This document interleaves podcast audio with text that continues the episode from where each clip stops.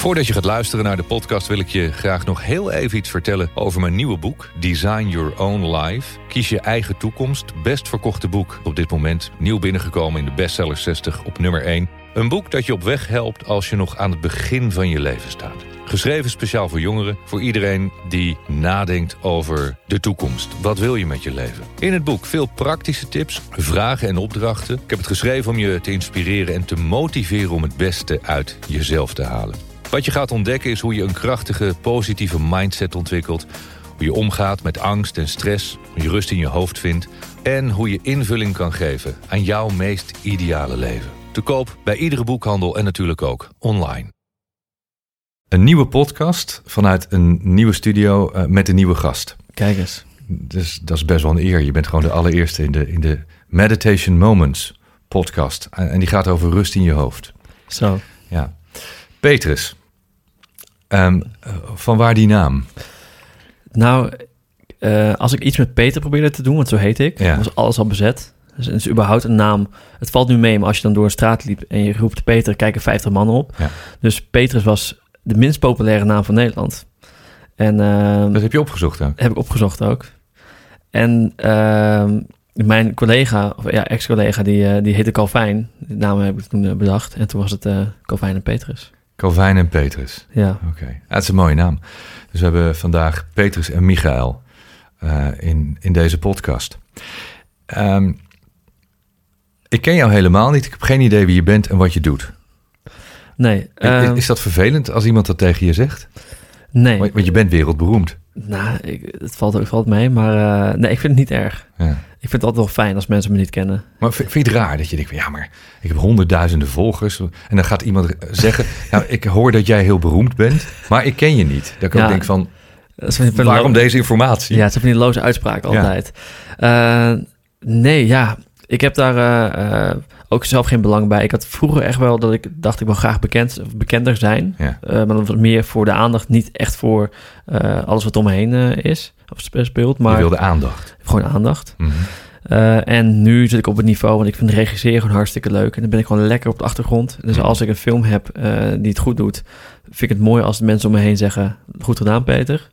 En als ik van ergens hoor, goede film, maar ik hoef dus niet direct die, ja die credit op, uh, toewijzen. Of, uh, je bent een stuk ouder geworden. Ja. Hoe oud ben je nu? Ik ben nu 25. Peter is 25 jaar. Waar woon je op dit moment? Ik woon in Amsterdam. En waar kom je vandaan? Ik kom uit Groningen oorspronkelijk. Uit een, uit een stadje slash dorpje. Appingedam. En ja, ik ben zeven jaar geleden hier naartoe verhuisd. Omdat ik was vaker hier voor, voor, voor meetings dan, dan thuis. Dus in Amsterdam? Toen ja, dus ja. Toen, toen moest ik maar. Hm. Of toen ging ik. Ik kende jou echt niet. Um, mag ik zeggen dat je een grote YouTuber bent? Mag je, mag je zeggen, ja zeker. Is dat, is dat een uh, gerenommeerd vak inmiddels, YouTuber? Ja, inmiddels wel. Het is nu ook, uh, er zijn ook echt cursussen voor en opleidingen en het gaat helemaal nergens over. Ja. Uh, Hoe lang doe je dit al? Ik doe het nu, even kijken hoor, ja, bijna tien jaar doe ik het wel. Dat is wel heel lang. Dat is een lange wow. tijd, ja. Het was, ik, ik, weet nog dat ik mijn eerste poging om überhaupt iets te doen met YouTube... toen probeerde ik een PowerPoint te uploaden op YouTube en dat werkte toen niet. Uh, en uh, toen waren we ook nog de, ja, de eerste die op televisie kwamen als YouTubers. De, het eerste betaalde opdracht. Je hebt dan ook tegenwoordig een MCN, dat is een multi-channel network. En daarmee kun je dus uh, sluiten meerdere kanalen zich aan bij een groot bedrijf. Die eerste heb ik ook uh, mede opgericht. Dus het is echt wel een veteraan op het YouTube-gebied. Ja, dus je, bent, je was een van de eerste ja. met, met Calvijn samen. Klopt, ja. Met ook heel bekend en groot op YouTube-gebied. Ja. Ik kan me ook voorstellen dat mensen die wat ouder zijn denken van waar gaat het over? YouTube is een wereld op zich. Mm-hmm. Daar gaan we het on, onder andere over hebben. Um, en ik kwam jou tegen vanwege een docu die je maakte, die heel veel indruk op me maakte. Toen liet ik ook een korte reactie achter. Ik dacht van, wauw, dit vond ik zo cool wat je daar maakte. Omdat dat um, ging over een boodschap waarvan ik dacht van, dit, dit is belangrijk, dit moeten mensen weten. Kan je kort vertellen waar die docu over gaat?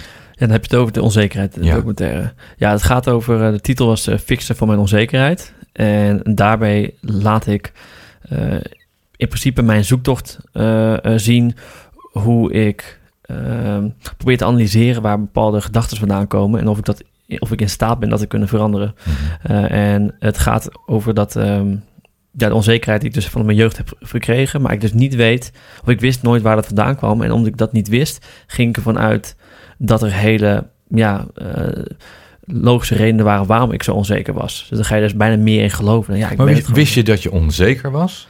Dat... Mm, of was er gewoon een, een gevoel dat je niet kon thuisbrengen, maar het voelde niet goed? Ja, dat was het eerst. Ik, ik, had niet zo snel dat ik een stempel had van ik ben onzeker. Want uh, het is nu, wordt het uh, een beetje iets te makkelijk overal gegooid. Uh, waarom, ja, dat doe ik zelf ook nu. Maar het was gewoon, ik balde ervan dat ik niet kon presteren. Of in ieder geval ja, niet was zoals sommige mensen om me heen. Die wat makkelijker waren in omgang. Mhm. In, sociaal gezien wat, wat, wat ja, meer sociaal intelligentie hadden. En maar ik dacht wel van, er zijn een paar dingen die ik graag wil doen. Um, die ik wil bereiken in mijn leven, maar het, lukt me gewoon niet. Iets houdt me tegen. Maar wat is datgene? Mm -hmm. En dat bleek dus... Hoe, hoe lang geleden praat je nu over? Dan praat ik nu over, ik denk twee, ik denk tweeënhalf jaar geleden. Oké, niet zo heel lang geleden. Nee, dus. valt okay. mee. Ja. Zullen we eens even helemaal teruggaan? Um, ja, iemand bedenkt YouTube. Een paar jaar later ontdek jij dat, blijkbaar, met nog een aantal eh, early adapters. En jij ging YouTuben. Ja. ik ben benieuwd, hoe gaat dat dan? Want hier gaan we het ook over hebben. Hè? We gaan het hebben over, over die gedachten, over de rust in je hoofd, over wat andere mensen allemaal van je vinden, hoe je daarmee omgaat. En dat het leven misschien soms moeilijk is als je jong bent. Want hoe kom je erachter wat je leuk vindt, wat je moet gaan doen? Uh, de druk is zo hoog, hoor ik heel vaak. Ja, er moet zoveel in deze maatschappij. En dan denk ik van ja, jij bent uh, ook jong. Je bent een mega succesvolle YouTuber geworden. Je hebt je eigen bedrijf. Je, je bent succesvol in alles wat je doet. Ik heb gezien hoe je uh, van een gewoon mannetje ineens een, een, supermodel werd in een paar maanden. Dat ik denk van, holy fuck, die, die gast, alles wat hij bedenkt, dat doet hij. Ja, zo lijkt het altijd. Hè? Zo lijkt het. Voor jou lijkt het ik andersom. Maar je hebt het, je hebt het ook gedaan. Ja, ik heb het ook gedaan. Ja, Iedereen kan het bekijken op jouw kanaal. Uh, ja, je, je, hebt getraind en je bent je, je leefwijze gaan aanpassen. En je zag er ineens uit als, als een supermodel. Ja, in drie maanden onderboekenmodel. Ja, het was letterlijk dat ik gewoon... Uh, dat was ook die geduld, die onzekerheid. En ik dacht van ja, shit. Misschien als ik gewoon meer train. En ik wou heel graag... Ik, Zac Efron was zo'n gespierde acteur in die films. En dan altijd de gespierde mensen krijgen gewoon meer aandacht. En ik ben gewoon heel ongeduldig. Dus ik dacht van, ik moet het gewoon in drie maanden moet ik het gewoon doen. Ja, en ook dat kon. En dat kon ook, dus heb je ook alweer bewezen. Maar was het een onzekerheid van... ik wil gewoon uh, de leukste meiden scoren... dus ik moet er beter uitzien? Ik denk het wel, ja. ja? Zo simpel was het. Uh, toch in mijn hoofd speelde heel duidelijk... oké, dat de aandacht van meiden gelijk eh, stond aan mijn waarde die ik had. Ja. En dan denk je van, nou oké, dan moet ik betere chicks fixen. Ja. Moet ik er beter uitzien. Ja. Ja, hele logische gedachte natuurlijk. Werkt dat ook, ook zo met je volgers en je likes? Uh, nu?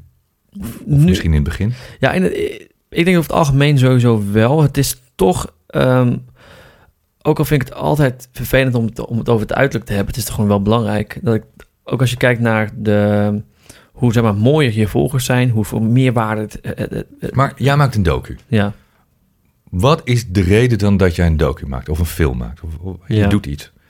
Ja, mijn, mijn voornaamste... Kijk, ik vind zelf, vind ik... eh, ik ben toen ik tien was, ben ik geraakt door Lord of the Rings, het eerste deel. En toen dacht ik van, shit, die emotie die je krijgt, dat wil ik ook bij, kunnen, nou, kunnen creëren. Dat, dat was voor jou het beginmoment. Ja, Je van, ah, dat wil ik ook. de spark. Ja, en toen heb ik echt van alles eh, ge- eh, geprobeerd, van, van korte video's en dingetjes. En ben ik bij- altijd blijven kutten met videoapparatuur.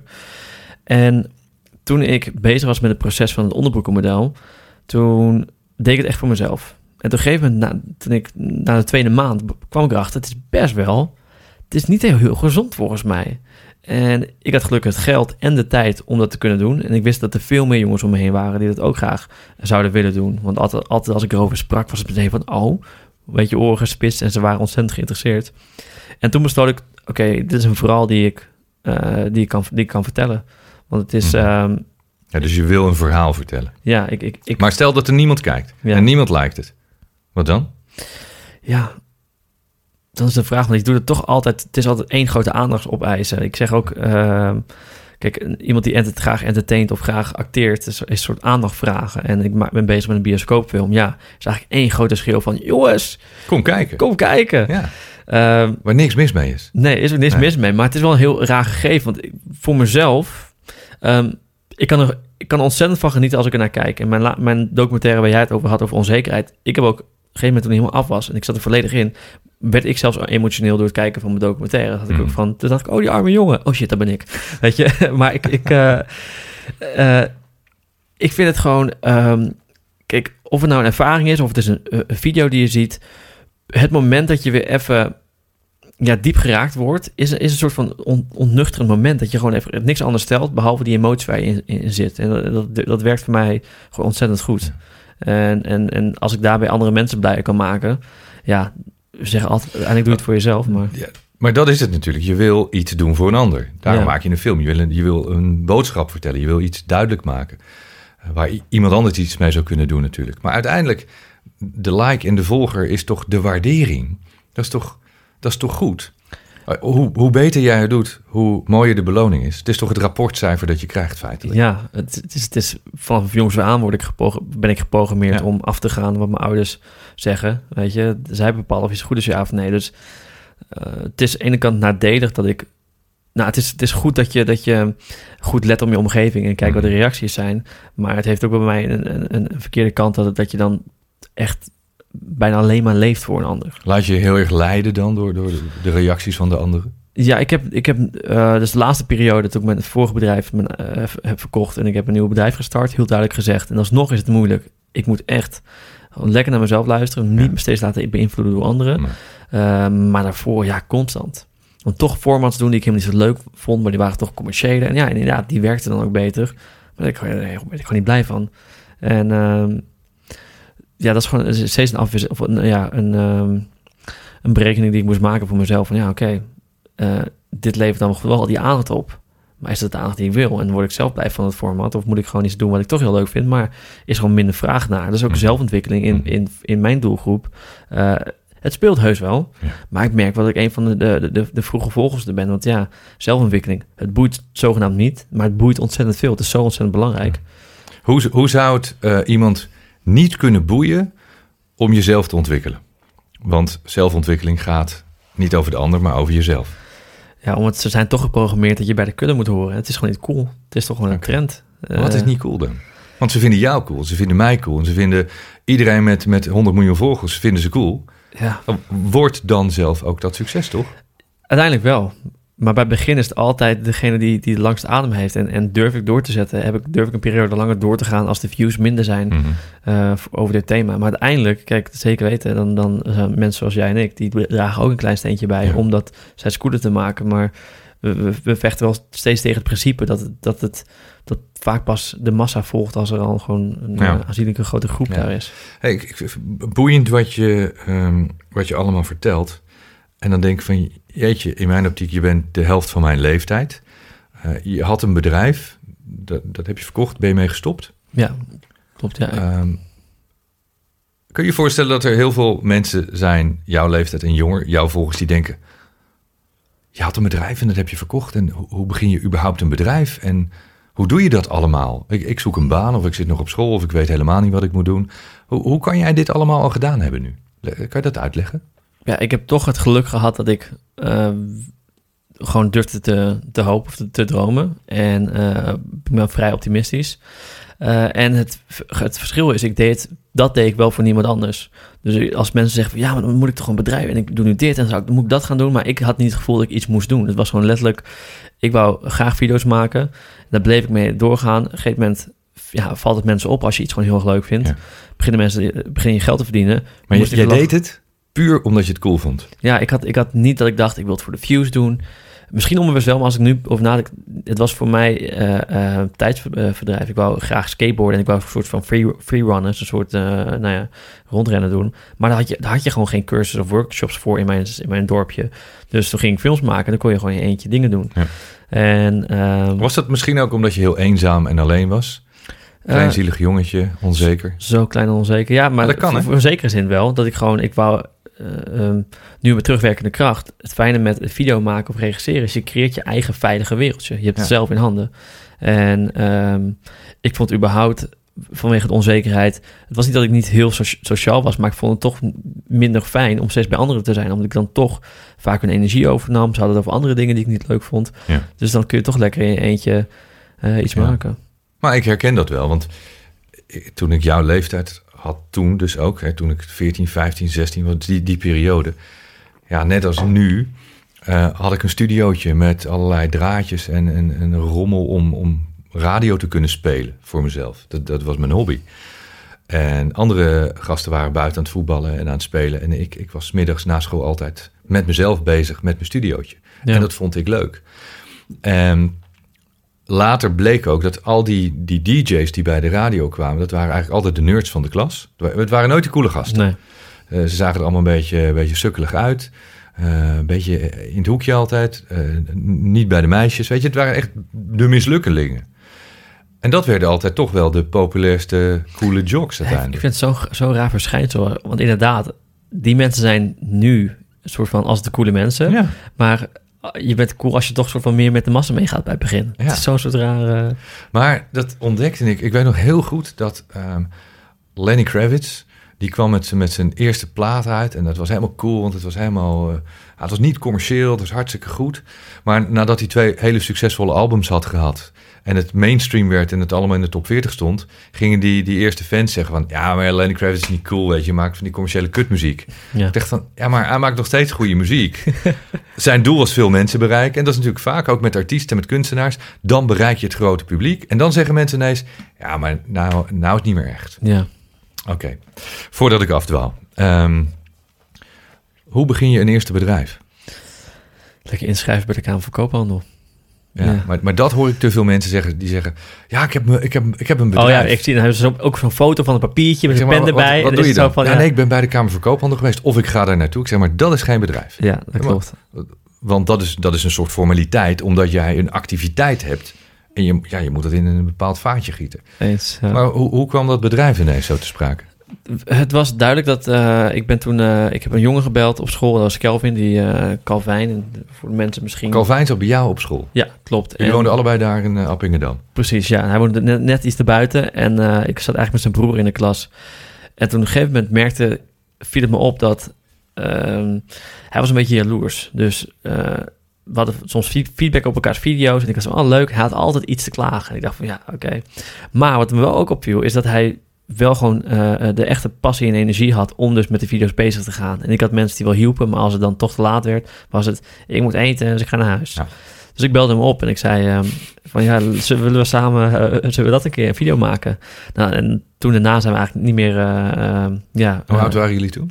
toen waren we, even kijken, ik was 16 denk ik, zoiets. Ja, zoiets. Weet je nog waar je eerste video over ging? Eh, ja, nou, ik heb mijn allereerste video was een, eh, een PowerPoint, maar dat was later een video, was een, in Paint had ik the Rings nagemaakt. En daarna in, in de live-action video was een, heette Teddy Attack. Het was mijn zusje die door een teddybeer werd aangevallen. Maar mensen vonden het, eh, eh, eh, toen merkte ik al wel dat ik al muziek van Phil Collins stond gezet. En vonden mensen dat, oh, emotioneel. Want dan zie je zeg maar een stukje dat ze, dat ze Mhm. leuk met die beer aan de knuffel is en zo. Maar ik vond het gewoon leuk om toch, dat is ook toch, als ik, dat je een soort van de, de macht hebt, hoe gek het ook klinkt, maar dat je andere mensen iets kan laten voelen. Ja. Jij creëert iets. Ja, be- belangrijke woorden herhalen we een paar keer. Jij creëert iets. Je bent de creator. Passie heb je al een paar keer geroepen. Je doet wat je leuk vindt. Mhm. Ehm, dus zo zijn jullie begonnen. En, en hoeveel views had je dan op zo'n eerste video? ja dat gaat het over eh, 60, misschien 100. Dus op zich nog 60. 60 views, ja, of 100. 100. Of 100 Niet nee, nee, nee, 100.000. nee, 60 of 100 views. Ja, iets in die, in die trant. Ja. En ik weet dat ik ook een serie maakte met zijn broer. En dat heette House Live. En dat was een eh, afgeleide van een andere serie. En dat heeft iets van, denk ik, 10 afleveringen gehad. Maar als ik, als ik het terugkijk, zijn die van 600 views per video. Best wel, ik deed het gewoon voor de mensen in mijn klas en daar soort van naar buiten. ja. Maar het was gewoon een... eh, het was gewoon hartstikke leuk om te doen. Je kon op de straat hangen of skateboarden of je kon gewoon lekker filmpjes maken. En dit is misschien ook een vraag die, die jij regelmatig krijgt, weet ik niet. Eh, mensen die bij me komen zeggen, ja, maar hoe kom ik aan 100.000 volgers? Ja. Of eh, ja, hoe krijg ik 100.000 views op mijn YouTube? Ik zeg, nou ja, eh, ik ga het eens aan een expert vragen, Ja. want ik weet het ook niet. ik heb ze ook niet. Hoe krijg ik 100.000 views op, een- op een filmpje? ja. En dan is het van, hoe ben jij begonnen? Nou, zo dus. Ja, het is echt. ehm, we hadden het niet in ons achterhoofd, maar we waren wel ergens komen. En toen hebben we gewoon veel samenwerkingen gedaan. Maar het is wel steeds strategisch denken. Want ehm, we maakten wel video's met titels die wel goed zouden kunnen werken. Waardoor YouTube het algoritme van YouTube het oppikte. Ehm, Maar ook sommige dingen, je weet het nooit. Ik weet dat wij video, video's hadden gemaakt voor Cinemas. En ik, ik dacht, dit is echt perfecte titel, perfecte dit. Nou, ehm, nou wat had het? 60.000 views, op zich relatief veel. Maar tenminste keek ik een jaar later, of anderhalf jaar later, had tenminste 8 miljoen views. Dacht ik, hey, dus opeens, soms pikt het opeens... Jullie hebben video's gemaakt die door 8 miljoen mensen zijn bekeken. Ja, we hebben echt met Cinemates hebben, hebben echt 330 miljoen views bij elkaar. 330 miljoen. miljoen. Ja. 330 miljoen. Ja. Hoe vaak kijkt iemand één video dan? Ik weet het niet. Of is het Engelstalig? We hebben, we hebben ook een, een, een deel Engelstalig, ja. Dus op dat front ben ik gedeeltelijk wereldberoemd. Maar... Uh, Jezus, man. ja, maar we zijn gestopt met Engelse video's, omdat uh, voor de commerciële markt werkt het niet. Dus in, in de Nederlandse scene waren wij qua views wel een van de groot, ja. uh, grootste. Alleen adverteerders hadden iets van, ja, jullie maken Engelse content. Ja, dus we verdienen gewoon niet genoeg geld. En, en, waar zat dan dat, dat omslagpunt dat je van 60 en 100 views ineens naar 8 miljoen ging? Ja. Of ging daar een tijdje overheen? Ja, ging een tijdje overheen, maar het... het uh, we bleven gewoon altijd gewoon vernieuwen. En dan kijken, wat vinden we echt leuk om te maken? En ik, ik zeg altijd van, ik maak video's voor mezelf. En ik ga er dan toch vanuit dat ik niet uniek ben. En dat meer mensen het leuk vinden. En dat is ook wel zo. Maar ik, ik, ik heb altijd wel dingen proberen te maken zonder... Te, dat ik gewoon niet te veel naar anderen bleef, bleef kijken. Want je ziet nu heel veel op de, in het televisielandschap, maar ook in de films en ook op YouTube nu, hoeveel kopieën we krijgen van bestaande formats. En ja, dat werkt soort van wel. Maar echt die soort van grote hits, uh, dat zijn toch vaak unieke producten. Wat maakt iemand goed op YouTube? Ik denk, uh, is heel moeilijk, want er zijn ook vloggers die gewoon alleen filmen hoe ze hun schoenen strikken en die krijgen veel views. Hoe kan dat dan? Um, het ligt aan voor welke doelgroep we hebben. Opeens toen, uh, um, kijk, ik was 15 en toen was YouTube begonnen een beetje op te komen. En toen ja, toen was ik niet zo verslaafd aan YouTube. Want ja, ik was al gewend aan televisie en ik bleef een beetje stug bij die programma's kijken. Je hebt opeens een, nieuwe, een hele nieuwe laag van jongeren die dus nu waarschijnlijk 13 zijn, 14 zijn. Die zijn opgegroeid met bijna de iPad in de handen en die weten niet beter. Dus toen, toen opeens heb je een hele nieuwe laag van mensen die gewoon gekluisterd zijn aan, zeg maar, aan, de, aan, de, aan, de, aan ja, je, je iPad of computer. En ja, daar zijn gewoon nu YouTubers die gewoon uh, dingen delen. En als je als kind bent, vind je het mooi om überhaupt alles te ontdekken. Dus als iemand gewoon de wereld laat zien samen en je, je kan samen er meekijken, is dat al voldoende uh, motivatie om, om, om te kijken. Maar ja, jij en ik vinden het waarschijnlijk niet zo boeiend meer hoe een deurknink werkt of zo, of hoe hmm. je veten strikt. Ja. Uh, toch kijken mensen ernaar. Toch kijken ja. mensen ernaar. Is, uh, is televisie voorbij? Is het, is het eigenlijk al dood? Ja, zo'n gevoel heb ik wel, maar het is het is heel moeilijk te definiëren, want televisie staat natuurlijk voor het, het lineaire kijken. Um, maar sommige mensen zeggen ook van ja, televisie kijken, puur het scherm aan de wand, dat blijft nog bestaan. Hmm. Want dan kun je natuurlijk met alle apps en smart TV's alles checken. Ik denk dat televisie zoals we het nu kennen niet meer uh, lang, lang overzendt. Ja, niet meer uh, lang overblijft. Maar de programma's die werken toch wel goed. Als we kijken naar uh, Wie is de Mol en Expeditie Robinson en Boer zoekt vrouw. Ja, dat blijft toch wel intact. Want het zit gewoon goed in elkaar. Alleen het, het moet wel echt, als het alleen maar online uitgezonden wordt of op demand, dan gaan de budgetten misschien ook naar beneden. Maar misschien, ja, het is mo moeilijk om te weten. Maar als je natuurlijk in televisie nu zit, kost wat het kost, hou je, wil je broek omhoog houden en je pensioen bewaken. Dus niemand gaat ook zeggen van ja, het is dood. Dus ik, uh, ik vind het moeilijk, maar het, uh, het gaat wel flink veranderen. Ja. Uh, ben je anders dan de meeste mensen van jouw leeftijd? Ik denk het wel gewoon gebaseerd op naar gesprekken die ik met anderen heb, of in ieder geval wat ik als ik het zelf kan, kan zien. Waar baseer je dat op dan? Uh, op de reacties die mensen hebben op hoe ik me gedraag. Dat, uh, wat doe je bijvoorbeeld anders? Uh, ja, ik ben wat minder goed in koetjes en kalfjes en meepraten eigenlijk met de, met de rest en meedoen met de rest. Dus uh, ik merk dat ik vaak toch als er over bepaalde series of voetbal wordt gesproken of bier zuipen of dit of dit type soort van dat gebeuren. Dat, dat doe je niet dat, dat, ja, dat vind, ik, dat vind ik moeilijk om te doen en dan voel ik me ook echt wat ik denk van ja, wat de fuck. Je drinkt ook geen bier? Ik drink ook geen bier, nee. Ik kijk geen voetbal. Dus het, het is, uh, ik ben al te snel met andere dingen bezig gegaan, waardoor het gewoon iets moeilijker was om met de massa mee te gaan. Ja. Uh, en ook toch in de de bepaalde geloofsovertuiging of mindset die, die ik heb, dat je toch dat dingen best wel maakbaar zijn. Want ik dacht ook van, oké, okay, nu ben ik met mijn eerste bioscoop van bezig. Dat is niet met toeval gebeurd. Ik ben, ik, vanaf mijn tiende wou ik het heel graag. Dus het is omdat ik daadwerkelijk keuzes heb gemaakt die me tot dit punt hebben geleid. Maar dan heb ik mensen om me heen die, die alsnog studies kiezen waar ze gewoon geen zin in hebben. Als ik al in het eerste gesprek al hoorde, ze eigenlijk van muziek dit leuk vinden, dit leuk, dit leuk vinden. En dan vraag ik van, ja, maar waarom die studie dan? Ja, dan kan ik veel meer doen, zijn mijn vriendin. Wat kun je ermee doen? Ja, dat weet ik nog niet eens. Dus je kan googlen en dan heb je in één minuut heb je gevonden dat je kan, dat is al te veel moeite waard. Maar ze vertelt me daarvoor in enthousiasme alle leuke dingen die ze wel doet. En dan is het toch te moeilijk, of eigenlijk die, die angst, die, die, die is toch uh, groter dan, uh, dan ik heb. Ja. Heb je geen angst? Ik heb zeker voor angst. Maar het, het is, ik, ik ben wel beter in om het uh, misschien te negeren. Want je moet ook al een gezond stukje uh, angst Hmm. hebben. Maar waar ben je bang voor dan bijvoorbeeld? Uh, dat ik toch niet in mijn, in mijn volledigheid bloei. want ik, ik, ik weet hoeveel ik in, in huis heb. En ik heb het geloof dat iedereen heel veel in huis hebt, heeft. En dat ik dan toch niet gewoon dat in zijn volledigheid gewoon kan laten zien. Mm -hmm toch, toch in volledigheid niet de bevestiging van anderen kan krijgen om dat te kunnen. Maar is dat echt een angst of is dat van... Nou, het is niet echt, niet echt meer een angst. Uh, het voelt niet als, als een angst naar mij toe als je het zo zegt. Dan denk ik van, nou, dus iets wat je graag wilt. Je hoopt dat het lukt. Ja, dat, ik, je hebt een boodschap, je wil iets vertellen. Ja, kijk... Wat is je boodschap eigenlijk? Mijn boodschap is... Um, nou, ik heb meerdere boodschappen, maar de, hetgeen wat ik het belangrijkste vind is... Dat je de regie in eigen handen hebt. Dat is mijn, altijd mijn belangrijkste boodschap. Dus over jouw leven? Ja, over jouw leven. Dus het, dat je... Het, om het, ik ben altijd bezig met mijn projecten, mijn documentaires, ook mijn film, om dus het bewustzijn te vergroten.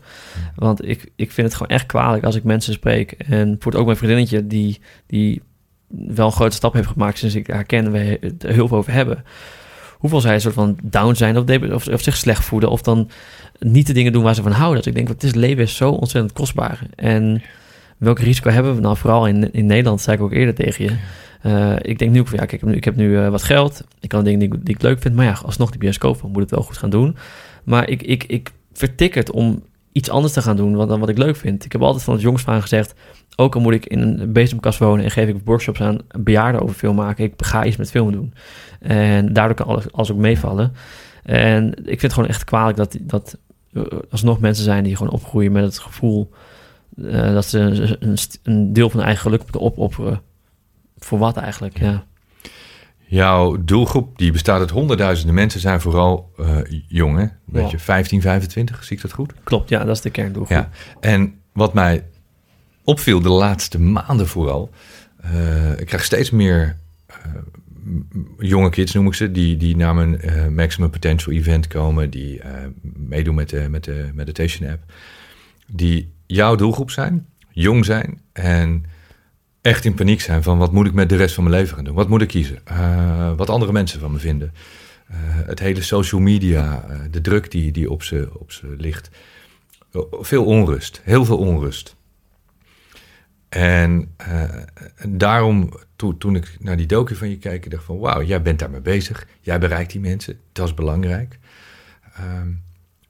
maar kun je, denk je, ook een beetje verklaren hoe dat komt? Waar die onrust bij die doelgroep vandaan komt. Al die, ja. zoveel mensen, laten we zeggen 15, 25. Waar komt de onrust vandaan? Waar, waar komt de angst vandaan? Of het niet gezien worden? Ja, ik, ik denk, of mijn theorie voor nu is... Uh, voordat we social media hadden, had je natuurlijk ook je ouders en vrienden om je heen... die uh, bepaalde verwachtingen uh, schiepen, scheppen, schepten, ja, schaapten. schaapten. Um, en dat gaf je al een beetje, een beetje vertroebeling in je, in je eigen gedachtegang van oké, okay, wat vind ik eigenlijk leuk. Maar nu, al die mensen die zeg maar niet weten wat ze moeten doen, die van binnen weet je altijd supergoed wat je wil doen. Mm. Je weet meteen wat je lekker vindt. Als je in de ruimte staat, weet je of je iets mooi vindt. Uh, ze zeggen ook vaak dat jouw interesses gekweekt worden, of ja, gecreëerd worden in jouw, nou, tot je zevende levensjaar. Want of je nou verstoppertje leuk vindt, misschien ben je heel goed strategisch heel goed, of je vindt het schilderen leuk, Mm. misschien ben je daar heel goed in. Dus men, men weet het wel. Maar omdat je nu op social media heb je naast je vader, je moeder en je vriendjes, heb je opeens miljoenen, letterlijk miljoenen andere mensen die zeggen wat een fijn leven is, wat een, wat een goed leven is. Dat je opeens gaat twijfelen, dat je denkt, shit, is dat misschien het leven dat ik moet gaan leiden? En, en, en ook dat, tekort aan timmerlieden. Uh, ik vind voor timmeren en ik vind uh, dingen bouwen ontzettend leuk. En ik, ik geloof niet dat, dat iedereen influencer wil worden. Er zijn ook wel mensen die willen graag influencer of YouTuber worden, want opeens dat is soort van het nieuwe of dat is dan het, het fijne leven. Dus we hebben gewoon te veel ja, invloed van, van buitenaf die, die onrust veroorzaken. Want het moeilijkste is, is om altijd te luisteren naar jezelf. Een van de moeilijkste dingen. En vooral als er een miljoen anderen in je oor staan te knetteren. te veel invloeden van buitenaf. Hè, want dat hoor ik dan ook van, ja, maar deze tijd, alsof 10, 20, 30, 50 jaar geleden anders was, deze tijd, zoveel prikkels van buitenaf. Mhm. Nou, is vrij eenvoudig. Zet je telefoon uit, eh, zet je eh, computer uit Zeker weten. en de wereld is weg. Ja, maar zo, zo is het wel in essentie. En dan zegt iemand, ja, maar dat is lastig. Dat is bijna niet te doen. Ja, dat is, dat is gewoon een antwoord. Ja, maar dat dat ik denk van, je huis staat in de fik. Ja, precies. Ja, je loopt naar buiten of je zegt van, eh, ja, dat is zo lastig naar buiten lopen. Ik blijf in het vuur staan. Ja, maar dan zie je dat ze toch niet, gewoon niet graag genoeg willen. Dat, dat erbij horen misschien, dat het toch Dit is belangrijk de fear of missing out. Ja, toch? ja.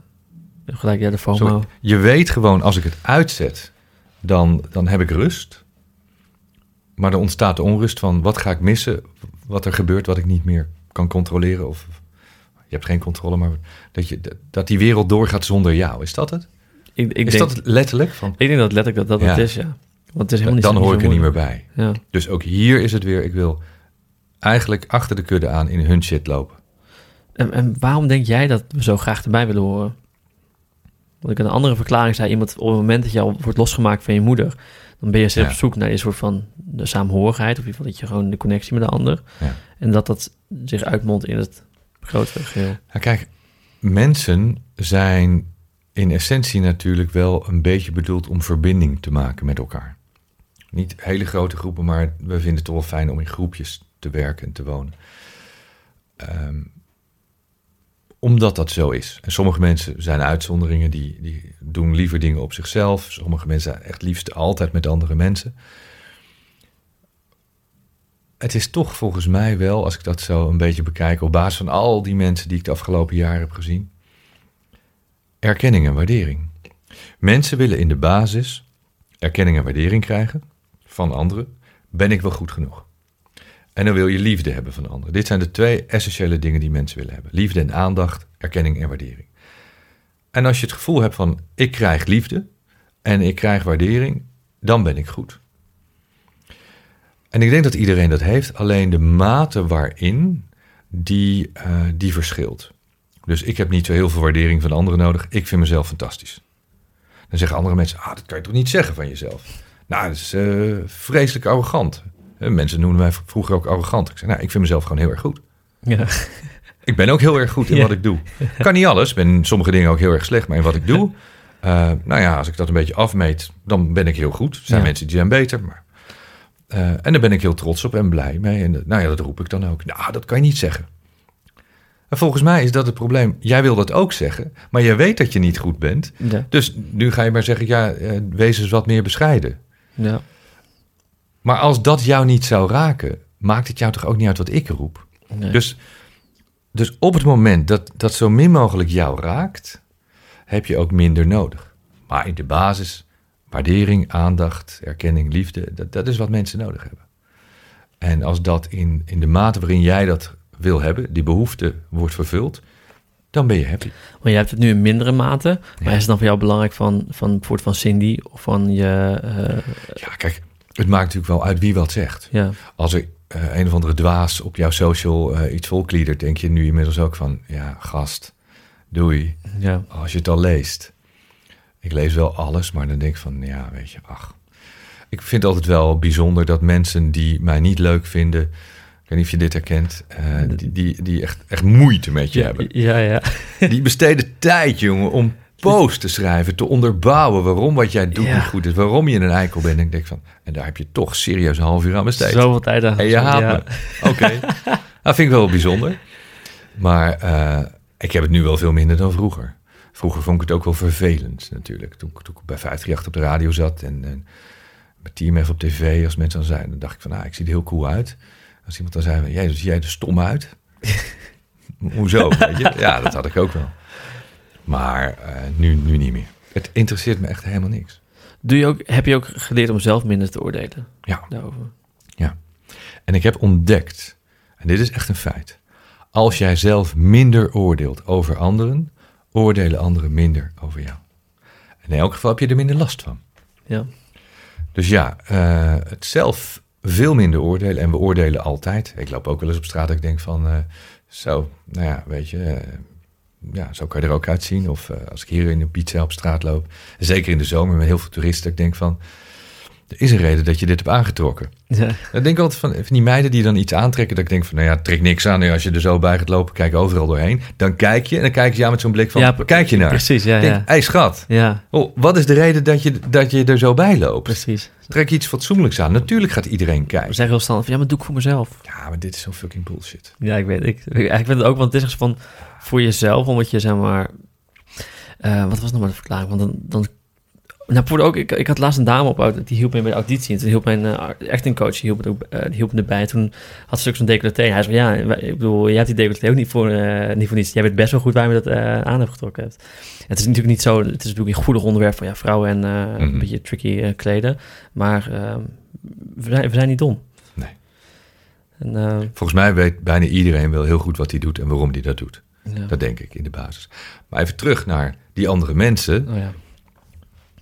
We maken geen verbinding meer met onszelf.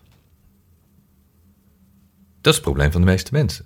Dus één, wat ik altijd roep. Ga je veel meer bezighouden met jezelf dan met anderen. Waarbij ik zeg, je mag wel voor anderen zorgen, dat is goed. Maar je moet eerst voor jezelf zorgen. Er is een reden in het vliegtuig dat je eerst zelf dat masker op moet zetten en dan iemand anders. Want als jij stikt binnen drie seconden, kun je niemand meer helpen. Dus altijd jij eerst, het belangrijkste. Je kan wel iedereen willen helpen, maar als er iemand in het water eh, ligt die niet kan zwemmen en jij kan ook niet zwemmen, kan je het water wel heel dapper inspringen, maar dan verzuip je allebei. En ik zie te veel gebeuren dat iedereen wil elkaar maar helpen, maar is totaal niet bekwaam om anderen te helpen. En dat vind ik wel zorgelijk, dat eh, iedereen kan zich tegenwoordig coach noemen. Er zijn hele goede en er zijn minder goede. Maar ik ken echt coaches die, die nou van mensen echt, echt wel grotere problemen gevallen maken. Omdat ze niet weten hoe ze ermee om, om moeten gaan. Weet je? Dat ik denk van, jongens, weet even wel wat je kan en wie je gaat helpen. En aan de andere kant zeg ik altijd, laat je alleen helpen door iemand van wie je weet dat, dat je weet dat hij jou kan helpen. Weet je, er lopen hier bouwvakkers om, om hier de boel te verbouwen op dit moment. Als ik kiespijn heb, denk niet bij die gozer, je hebt een tang.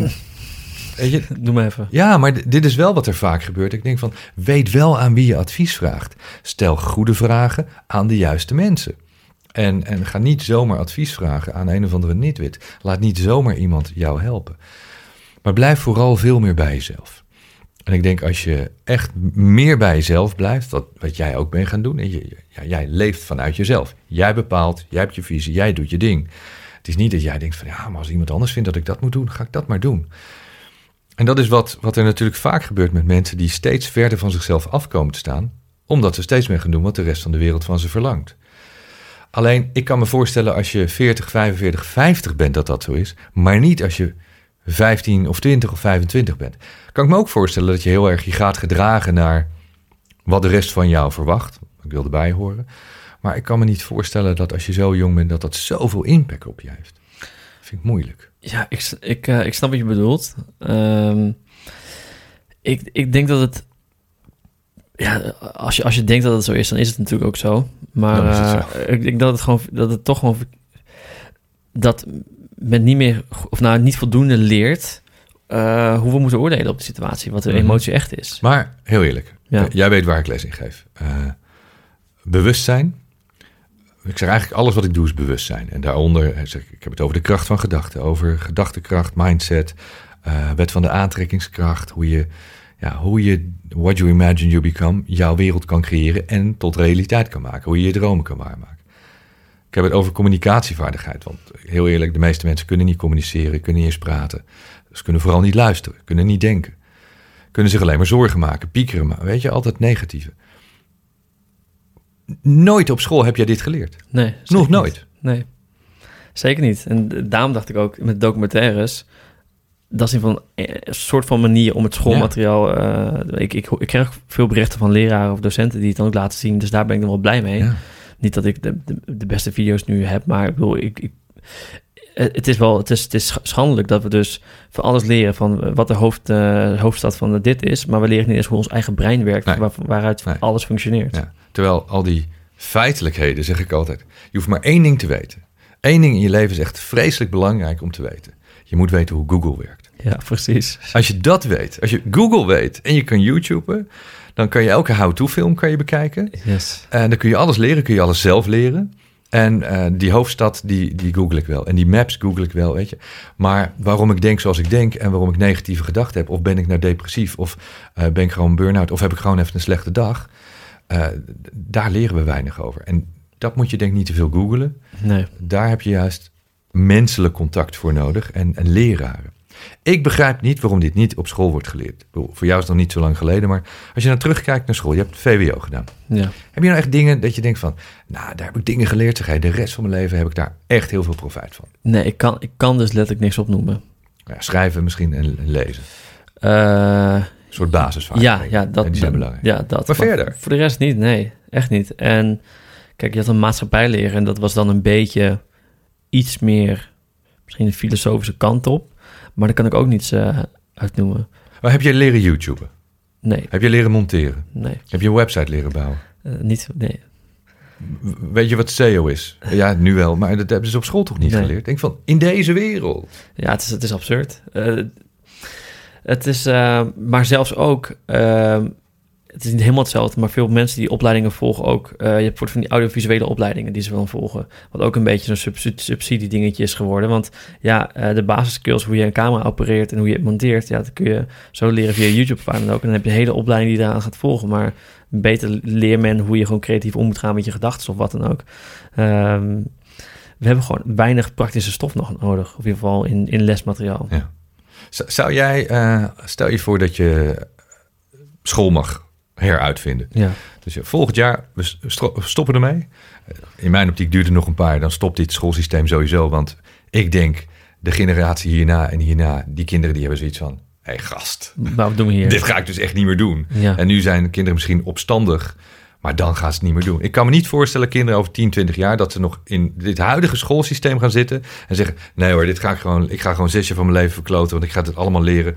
Dat is toch. Ja, ik, ik, ik heb wel zelfs verhalen van mijn nichtje. Die ehm, hebben ze bijvoorbeeld een iPad op school. Als ze dan ook doen met huiswerk maken. eh, het huiswerk wordt opgezocht, screenshot gemaakt, screenshot wordt doorgestuurd naar iedereen. Dat die, dat die tablet open staat. En dan denk ik, nou, fuck it, weet je. Ja, En zo gaat het gewoon al. Mhm. En iedereen heeft... Het, gekke is ook dat... Dan denken, we, denken ze, we gaan het schoolsysteem vernieuwen. ja. En dan krijgt iedereen gewoon een iPad. Oftewel, je kan nog sneller spullen opzoeken dan Ja. voorheen. Waarom zitten we hier? Nou, ik denk wel dat, dat er ook. Er zijn, ik weet toevallig, er komen veel leraren gelukkig naar mij toe ook. Die proberen dat dan weer op hun manier door te geven in de klas. Dus ik, ik zie wel dat er heel veel welwillendheid is. Maar het schoolsysteem aan zich Ja. is, ja, dat is zo verziekt en, en, en corrupt. Dat, dat moet je mee stoppen, weet je. Moet. En dat, dat is het moeilijke natuurlijk. Van stop maar en begin opnieuw. Maar hoe ga je het dan doen? Ja. Waarschijnlijk kom je toch weer met een leraar of iemand die voor de klas staat en kinderen in de klas. Maar hoe weinig mensen zijn er überhaupt die echt eh, zichzelf... Nou, je bent zelf nooit volledig ontwikkeld, maar... ehm, om, om, om les te geven in zelfontwikkeling en zelfreflectie... en alles wat met bewustzijn te maken heeft... is ook een hele nieuwe laag van, van mensen... die daar al best ver mee, ja, lang mee bezig eh, Mhm. geweest moeten. Maar het is, Het is niet makkelijk. ook. Nee, Je kan niet zeggen van ik ga een jaar dat studeren en dan doe ik het. nee. Het is, het is wel, het is een dingetje voor, eh, ja, daar moet je wel een beetje levenservaring voor hebben, denk ik. Maar ik had Maar toch, jij doet het ook, op jouw manier. Ja, op mijn manier zeker. En ik, ik had al een, een, een idee, en dat had ik, of, nou, ik had liggen bij het schoolsysteem, was het een eh, soort documentaire reeks van over verschillende onderwerpen, om het dan in een soort van videovorm te brengen. Want eh, het viel me ook op dat je dus, eh, je weet, ik weet niks meer van de geschiedenisboeken, maar als jij een serie kijkt, weet je precies welk karakter die, die, die, die, die heeft gedaan. Dus dan maken we, maken we gewoon een soort van Netflix-series van Napoleon, of van dit, of van dat, weet je. Nee, Ja, precies. Op die manier. En ik dacht, Ja. ja, als, je, als je dan gewoon interessante documentaires maakt over het onderwerp, dat, dat, dat zou veel meer, eh Ja, meer, impact, blijft beter hangen. Ja. Ehm, hoe is het met jouw rust in je hoofd? Ehm, dat is een moeilijke vraag. Ik denk automatisch dat ik niet rust in mijn hoofd heb. Eh, en ik vind het ook lastig, maar even de stempel. Ik heb volgens bronnen vernomen dat ik ADHD heb en dat ik hoogsensitief ben. Nou, aan de ene kant zit er wel wat in, in sommige factoren, maar dat, het wordt ook snel als een soort van bijna ziektebeeld eh, weergegeven. Als het is gewoon een benaming voor een paar symptomen en Ja, niets anders dan, dan, dan voorheen. Ehm, maar ik merk wel dat ik op sommige dagen, als ik echt heel veel binnenkom, dat ik echt even die meditatie, even een momentje even nodig heb, echt die rust, Ja. om het even weer te ordenen. Ehm, want- Mediteer je echt? Eh, mijn, mijn mediteren is gewoon, Wat, Stil wat, is, zijn. wat is voor jou mediteren? voor mij is mediteren gewoon echt eh, stil zijn voor een kwartier en even dan, dan probeer ik actief mijn gedachten te, orden, te ordenen. Maar letterlijk als ik zeg maar jouw meditatie dingen hoor, denk ik, hey, dat is nice. Dat moet ik even gaan doen, echt hoor. Maar dat is heel anders misschien. Ja, het is heel anders, maar ik, ik, ik weet, zoals je gewoon een rustgevende stem hebt, en jij hebt echt zo'n Ja. goede radiostem Ja. en, en alle stem, Ja. dan is dat, dat werkt gewoon. Je hebt hou vast op waar je aan moet denken, en muziek helpt erbij. Eh, maar voor mij is het nu gewoon even rust. Waar denk ik precies over na? Want als je echt gewoon even een momentje neemt en je, en je, en je probeert te kijken wat er in je hoofd gaande is, dan zie je dat er zoveel dingetjes spelen, altijd. Het raadt het maar door. Maar, maar doe eens, wanneer, wanneer neem je dat kwartier? Ehm, vaak na, een, eh, eh, gewoon na het werk, vaak. Ik probeerde, ik probeerde het in de ochtend te doen, maar dan kwam ik achter dat ik eigenlijk nog te rustig was. Maar ehm, Is het dan juist niet een fijn moment om vanuit die rust de dag te beginnen? dat, dat denk ik zeker. Alleen dan, dan, dan ja, Maar goed, dan ga je beginnen. precies. Dan ga ik beginnen, is het gewoon, is, eh, en dan, dan eh, ogen dicht en, dan- en dan probeer ik te kijken van, ja, waar denk ik nu aan? Wat zijn mijn zorgen die ik soort van heb? En dan probeer ik het te begeleiden of, of een kant op te sturen. Dat ik echt denk van, ja, duidelijk te, te voelen wat ik ben. Dat ik gewoon een Ja. mens ben. Dus het is niet dat je gaat zitten en je probeert aan niks te denken. Je probeert juist orde te scheppen. Ja. En dat ik gewoon echt, het kijk, van, ja, ik, ik ben gewoon mens. Ik zit in dit moment. Ik, ik geniet hier heerlijk van. Ik, kan, ik, ik, ik, ik geniet van, ja, dat ik kan ademen en dat ik gewoon leef. En dan, want in mijn hoofd, het eerste wat namelijk gebeurt, is altijd, als je niet in het nu leeft, eh toekomstperspectieven, eh, eh, of in ieder geval toekomstverwachtingen creëren met wat, ik, wat in het verleden is gebeurd en allemaal van die onrust. En Ja. ik, ik maak me zorgen om dit, zorgen om dit. Maar Ja. denk van ja, wat is, wat is er aan de hand? Het is toch allemaal prima? Dus dan ga je echt even naar dit moment. Ja. Ik ben even hier en nu met mezelf. Ja, maar ik weet niet of dat, of dat juist de meditatie is. Ja, maar dit, dit- het kan niet goed of fout zijn. Ik krijg natuurlijk zo vaak die vraag van... ja, maar doe ik het wel goed? Of wat is de goede manier van mediteren? Ik zeg, jongens, ik heb geen idee. Ik heb allemaal van die, eh, van die spirituele, hoogopgeleide, weet je... zijn van die spirituele mensen met allemaal strepen op de schouder... die zeggen, ja, maar zoals jij mediteert, dat is helemaal niet goed. Hè? Dat is niet echt mediteren. Ik zeg, nee, maar bereiken we heel veel mensen mee. weet je, ja, het gaat mij niet of... of het, en wie bepaalt dat? Heeft Boeddha bepaald dat het zo moet? Of eh, het hoofd, weet ik veel, meditatie? I don't care. Ja, Ik doe het op mijn manier. Ook dit weer, weet je, ik, ik heb het eigenlijk niet geleerd. Ik heb natuurlijk daarna wel wat spirituele leraren opgezocht van, ja, hoe doe jij dat dan? En wat houdt het eigenlijk in mediteren en zo? Maar eigenlijk, ik ben gewoon net zoals jij met filmen begonnen bent. Ik ben gaan mediteren. Ik wist niet eens dat het meditatie heette. Voor mij was het de rust opzoeken. Ik zat op zee op mijn boot met mezelf. En daarna ging ik aan iemand vragen van, eh, kun je mij leren mediteren? Toen vertelde hij me wat het inhield. Ik dacht, ja, dat, dat doe ik al. Oké, nou dan mediteer ik ook goed. weet ja, En nu doen we dat dan met de app. Om mensen een beetje te helpen en te begeleiden. Maar ehm, eigenlijk is het gewoon het momentje. Zo, iedereen doet het op zijn eigen manier. Weet je, voor jou is het dus blijkbaar het moment. Even, even de gekkigheid proberen te laten. En, en eh, ja, het stroomlijnen. Dat het niet zo'n chaos is. ja. Wat gebeurt er dan daarna als je dat gedaan hebt een kwartier? Eh, dan voelt het gewoon eventjes alsof ik gewoon in het schone lei heb. Dan is, is het even gewoon rust in mijn kop. Ja, Ehm, ik denk in de middag al relatief snel, dan raakt het wel, wel, wel weer vol. ja. Zo, zo gaat het. ja maar zo gaat het. Ja. Het, is, het is niet zo dat de rest van de dag dat je helemaal zen bent. Want dan ga je weer werken en filmen en er komen dingen tussendoor. En er gaan dingen mis. Ja, dan ben je weer even uit je flow. Ja. Maar ik moet zeggen, ik, ik oefen het natuurlijk wat vaker. Ik ben doorgaans in de flow tot er wel eens een moment is dat je denkt van holy fuck, de hele wereld flikkert in. Weet je, de, de apocalypse, hoe heet dat ding? Dat, Ja, die meteoriet of wat? Die al- po- alles, weet je, dit, dit, dit is de, de doomday, dat alles misgaat. Ja, Ja, dan ben ik ook wel eens even een dagje minder relaxed, minder zen en minder happy. Maar ik denk dat het wel goed is als je dit zo doet. Dat je af en toe, als, als het level bereikt wordt, dat je denkt, tot hier niet verder, even een momentje voor jezelf neemt. De- heb jij enig idee hoe dat bij die, die bepaalde doelgroep tussen de 15 en de 25 is? Of jouw volgers dat ook doen? Als, stel of stel dat jij zegt van, doe dat elke dag. ik denk dat het wel zou helpen. Zeker wel. Ja. Eh, ik heb wel eens ge- gehad dat ik eh, een, eh, een vriend die kwam op bezoek en zei ik, wil je mij even lekker stil zijn, zei ik tegen hem. Hij zei, stil zijn? Ja, oké, is goed. Nou, tv uit, dit, zitten. En toen na een tijdje was ik van, oh ja, nice. Iedereen denkt van, huh? Want überhaupt stil zijn bij elkaar in één ruimte wordt al zo als zo raar. Raar, ongemakkelijk. Ja, we zijn stil. Ehm, maar het, het kan niet anders dat het, gewoon, dat het fijn is. Iedereen vindt het wel fijn om even niet met zijn mobiel bezig te zijn, even stil te zijn. Het is echt, jongen. Die, dat mobiel is ook zo'n Ja. zo'n zo'n kutapparaat eigenlijk, weet je. Het is, je voelt het je- constant. Nee, maar ook daarmee is het toch... Je, je kan er alles mee. Ja, zeker. Zeker weten. Je kan eigenlijk niet meer zonder. Alleen jouw zelfdiscipline bepaalt hoe je daarmee omgaat. Ja, dus, kijk, die kutmobiel is weer een projectie van mezelf. Dat ik gewoon kut ben en mijn mobiel eh, pak. Maar jij gaat hem pakken. Ja. Ik merk nu de laatste dagen, ik ben zo druk met andere dingen. Ik heb al dagen niet mijn social gekeken. Dan moet ik echt snel tussendoor even kijken van zijn er nog reacties? Eh, moet ik ergens, ergens op reageren? Dat soort dingetjes. Maar ik laat het, laat het gewoon langs me heen gaan. En ik merk dat het mij rust geeft. Ja. Want er zijn dagen dat je druk bent met weet ik veel wat. We hebben nieuwe dingen gepost. En dan komen er weer duizend reacties. Ga ik alles zitten lezen. Ben ik urenlang bezig met mijn telefoon. En we hebben ook vaak drie schermen openstaan om al die reacties te kunnen monitoren. Ja, Ja. nu ik het zeg, denk ik ook. Ja, maar ik, ik vind het leuk om het zelf Ja, te ja. doen. Eén. En dan zeggen mensen, ja, dat doe je toch niet allemaal zelf? Ja, dat vind ik leuk. Ja, tuurlijk. En ik vind ook, ja, jij reageert op mij, dus ik vind ook dat ik moet het lezen. Maar dat geeft wel onrust. Het kost in ieder geval tijd. Ja, zeker. Het kost heel veel tijd.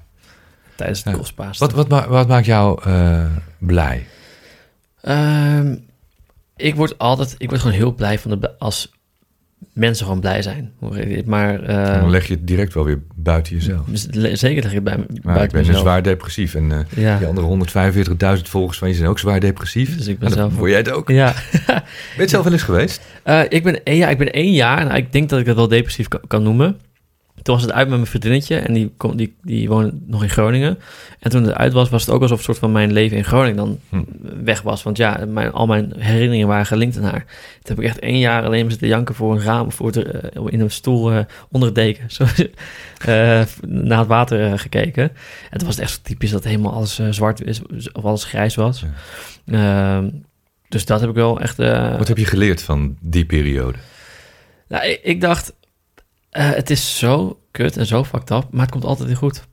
En dat was het gewoon een gedachte. Dus dat was een Alles gaat rustgeven- voorbij. rustgevende gedachte, ja. Dus ik dacht van, ja, wat ook gebeurt, het gaat toch weer over na een tijdje. Ja. Waar, waar, waar raak je wel eens rusteloos van? Dat je gevoel van, van paniek krijgt? Ehm,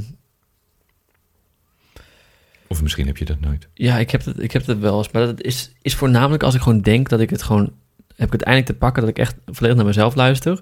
En er zijn er toch weer een paar mensen die gewoon in hun energie en in hun communicatie zo van sterk eh, ogen. Dat ik dan begin weer te, begin te twijfelen aan mijn eigen zintuigen. Ja. Aan mijn eigen gedachten. En dan denk ik van, kut, heb ik het wel goed Ga je wankelen? Ja. Ja. Dus ik ben best wel snel, ik ben best wel snel van het stuk te brengen. En daar ben ik echt aan, aan mee bezig om dat dus eh, beter te, con- te Hoe doe je dat controleren. dan? Wat, wat, betekent er mee bezig zijn? Eh, actief eh, ehm, ja, reflecteren aan jezelf. Dus actief als dat gebeurt, bij jezelf nagaan. Oké, maar dit en dit. Weet het eigenlijk beter? En waarom eh, heb je geen vertrouwen in jezelf als je dit wel goed hebt gedaan, dit wel goed Dus gedaan? vragen stellen aan jezelf. Ja. Wat betekent bewustzijn voor jou? eh, ja, weten dat ik besta. Maar dat weten meerdere mensen hopelijk. Denk je Eh, dat? Denk je ja. dat er heel veel mensen zijn die eigenlijk ge- geen... Die zien wel een soort lichaam als ze in de spiegel kijken... maar die hebben geen idee dat ze bestaan. Ik denk dat je gelijk hebt. Ik denk dat het inderdaad zo is. Eh, dat er ook genoeg mensen zijn die dat... Die dat eh, Het ademt, maar het leeft niet. Dat nee, is groot verschil. precies. Ja. Ja, voor, voor mij is dan het bewustzijn... Ja, eh, toch ja, dat ik de regie in handen heb. Kijk, misschien is het ook een schijnillusie. Voor jezelf. Voor jezelf. Dat is ook, kan ook een schijnillusie zijn. Maar bewustzijn dat ik... ehm, ehm, dat ik... Ik ben er gewoon bij als er, als er dingen gebeuren. Daar ben ik zelf bij. En, ik, en het gebeurt niet allemaal zomaar. Hmm. En Ja. dat is voor mij bewustzijn. En wat is collectief bewustzijn dan?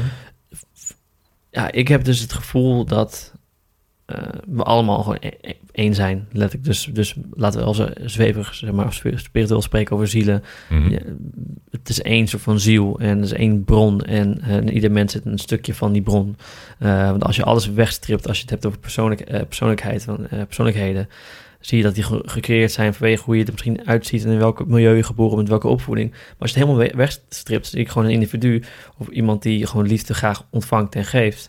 En daar is gewoon geen onderscheid van bij wie- welk persoon dan ook. En het collectief bewustzijn is eigenlijk gewoon als we allemaal op dat punt komen en dat realiseren, ja, dan eh, weet ik niet wat er gebeurt, maar dan hoop ik iets magisch.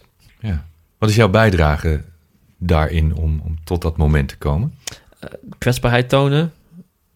Eh, aan anderen. Zodat men gewoon aan herinnerd wordt dat we allemaal mens zijn. Want ik krijg heel vaak reacties, oh je bent zo oprecht en zo kwetsbaar. Ik, hè, kwetsbaar, oprecht. Ik bedoel, ik, ik doe exact wat iedereen zegt, maar ik doe het of voelt. Maar dan durf ik het uit te spreken en is het opeens, oeh, bijzonder. Maar het is ook... Wel- blijk- blijkbaar is dat dus bijzonder. ja, blijkbaar is het wel bijzonder. Omdat andere mensen het ook voelen, maar niet uitspreken. Ja. En dat is ook met die, met die bioscoopfilm eh, nogmaals. Daarbij laat ik een kwetsbare jongen zien die een bepaalde eh, reis doormaakt. Waardoor ik mensen kan laten realiseren. We zijn allemaal mens. Ja. En, eh, dan probeer ik het altijd. Ik, ik zeg voor mijn bedrijf ook sharing moving perspectives. Of perspective. Soms heb je gewoon een ander perspectief nodig om gewoon weer even te realiseren waar je staat in het leven. En ehm, als de realisatie groter is, het bewustzijn groter wordt, dan denk ik dat we dichter bij het collectief bewustzijn weer komen. Ja, mooi. Tot besluit. Wat, wat, wat heeft de wereld nodig? Wat, he- wat hebben de jonge mensen van nu, jouw volgers, eh, onze volgers, wat hebben, wat, he- wat hebben mensen überhaupt, eh, gewoon op deze planeet nodig op dit moment, in deze tijd? meer eh, kennis die gedeeld moet worden. Waarover? Waarover? En dat gaat over het, het zijn van mens, de emoties die je hebt. En ehm, voornamelijk is dat voor de opvoeding van je, van je nageslacht. En als we het over wereldvrede hebben, dat kunnen we nu niet oplossen. Maar als wij, dat heeft de volgende generatie in, in, handen. En ehm, ik vind het gewoon kwalijk hoe weinig er verteld wordt over het opvoeden van kinderen. Ik, vaak is het zo, ja, kinderen denken niet over na. En dan is ze zwanger. Nou, heb ik nog negen maanden te oefenen, toch? Weet je, ik denk van ja, de meeste mensen zijn gewoon zelf niet volledig ontwikkeld. En dan moet je een kind gaan ontwikkelen. En ehm, Zou er een soort examen moeten komen voordat je een kind zou mogen krijgen? nou, mijn eerste gevoel was meteen van ja, dat moet er komen. Maar dat is gewoon niet goed. Je, wil, je moet dingen niet gaan verplichten. En dan wordt het gewoon een, een, een- Als je een diploma moet hebben of een vergunning voor een kind, wordt het ook denk ik een gevaarlijk gebied. Maar- Ik heb in Dans in de Hemel ook een pagina over geschreven. Als ik dokter wil worden, als ik ga over leven en dood, jouw leven, moet ik daar lang voor studeren. Als ik piloot wil zijn, moet ik daar een brevet voor hebben. Als ik in een auto wil rijden, heb ik een rijbewijs Heb je nodig. dat in je boek geschreven? Ja, het staat in Dans in de Hemel. Een hele pagina, want ik vind het te dwaas voor woorden dat iedereen maar zomaar een kind kan nemen. Ik, ja, ik, ik, heb, ik heb letterlijk nu een document op mijn Ja. telefoon voor een video die heet Dear Future Kid. En dan zeg ik dat inderdaad ook. Ja. Maar het is... En niet dat ik nee, mensen nee, gun, hè? Nee, nee, want dat zeker. niet. Nee, maar het, kijk, het zou eigenlijk... eh, Het zou wel heel... Nou, ik weet het niet, maar eh, in de theorie, het klinkt gewoon wel goed. Het klinkt, het klinkt wel ik, ik hoor af en toe dingen dat ik denk van... Ben ik er nou bij of, of leef ik in een soort illusie als moeders, jonge moeders tegen me zeggen... Nou, eh, dit had ik allemaal niet kunnen bedenken. Dit had ik allemaal niet verwacht. Het valt, eh, het is allemaal, je krijgt er natuurlijk zoveel voor terug, weet je. Maar eh, nou, het is natuurlijk wel, het is een heleboel gedoe, zo'n kind. Allemaal gewoon de dingen waarvan ik denk van, dat is toch logisch? Ja, het maar is toch volkomen logisch? het is volkomen logisch. En als je het niet wist, had je het ook kunnen googlen. Ja, Maar dit had je kunnen onderzoeken. Dus één, dat ik denk van ja, je was niet voorbereid om, om moeder te zijn, of vader te zijn, of ouder te zijn. Vervolgens heb je geen idee hoe je dat kind een normaal leven moet geven. Waar we het over hadden van, nou, wat we al niet leren, maar thuis leren we het ook al vaak niet. We leren het niet op school, maar thuis ook niet. En, en dan vinden we het raar dat de hele wereld in de war is. ja het, is, het is echt te gek voor woorden. Echt te Want gek stel je nou eens voor dat iedereen maar in een auto mag stappen zonder rijbewijs. Ja. Dan wordt het ook een chaos op straat. Ja, maar dat is wat, wat er nu gecreëerd is je, inderdaad. dus met dus misschien geen, geen examen, maar een soort handleiding Maar, is zo. ook, de- de- u- maar kijk, überhaupt dat de gedachte dat die, dat die eh, individuen niet eens er verder over nadenken, geeft ook aan hoe hun ja, gesteld het is eigenlijk. Hoe, wat, wat zij weten qua Maar kennis. daardoor zal jouw wens om dat collectieve bewustzijn te laten groeien niet heel snel van zijn plek komen. Nee. Nou, dan gaan we toch gewoon, dan gaan we gewoon een soort eh eh, kinderenrijschool beginnen met elkaar. Ja. Precies. En dan eh, moeten ze gewoon een lekker diplomaatje halen. Ja. De laatste 30 seconden zijn voor jou. Wat zou je willen delen met de wereld? Wat zou ik willen delen met de wereld? Ehm, dat je nooit genoeg moet nemen met, met minder. En voor mij al, ik denk dat het vaak genoeg genoemd is, maar het was voor mij nog steeds het allermoeilijkste om naar mezelf te luisteren. En dat ik verdomde goed weet wat ik leuk vind, waar ik van hou, waar ik goed in ben. En eh, bij mij twijfel is zo'n gek gegeven, want iedereen twijfelt zoveel, maar twijfel is alleen maar als ik de invloed van anderen toelaat. En dat is het meest stomme wat ik eigenlijk eh, eh, wat ik steeds doe. En het, het komt alleen goed als ik, of het komt eigenlijk altijd goed als ik gewoon echt puur naar mezelf luister. kan niet vaak nog zeggen. Uh, Mooi inzicht. Dankjewel. Je was de eerste gast in de nieuwe podcast. Een eer. Zonder naam. Levenskunst, daar hebben we het over gehad. De Meditation Moments uh, podcast. Erg boeiend. Dankjewel. Ik wens je echt alle, alle succes van de wereld. En dat je heel veel mensen mag bereiken met alles wat je gaat doen. Dankjewel. Vind je echt uh, een bijzonder mens. Bedankt voor de uitnodiging.